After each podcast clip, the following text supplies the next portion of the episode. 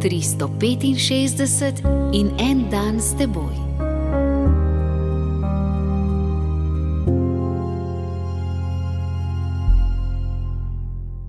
Iz prvega pisma Korinčanom, 15. poglavje, 14. in 19. vrstica. Če pa Kristus ni bil obojen, je tudi naše oznanilo prazno in prazna tudi vaša vera.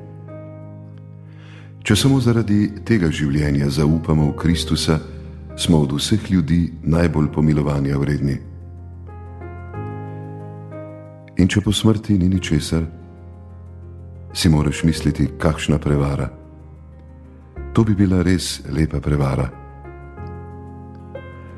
Ali nam Bog ne bi mogel dati kakšnega majhnega dokaza, da posmrtno življenje res obstaja?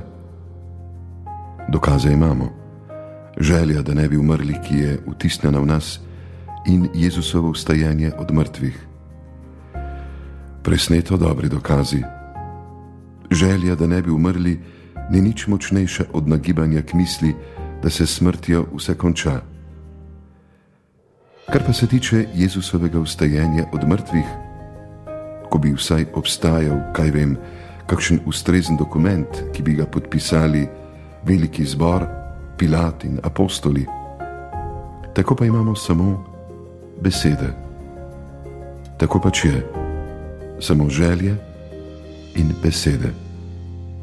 Seveda, če bi nam Bog od časa do časa poslal koga iz onostranstva, nihče mu ne bi verjel, rekli bi, da je kakšna prikazen in se posmehovali.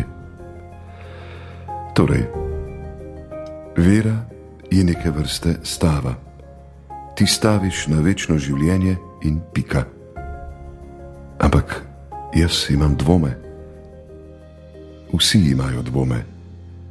Tudi veliki svetniki so imeli dvome. Pomembno je, da je vera močnejša od dvomov.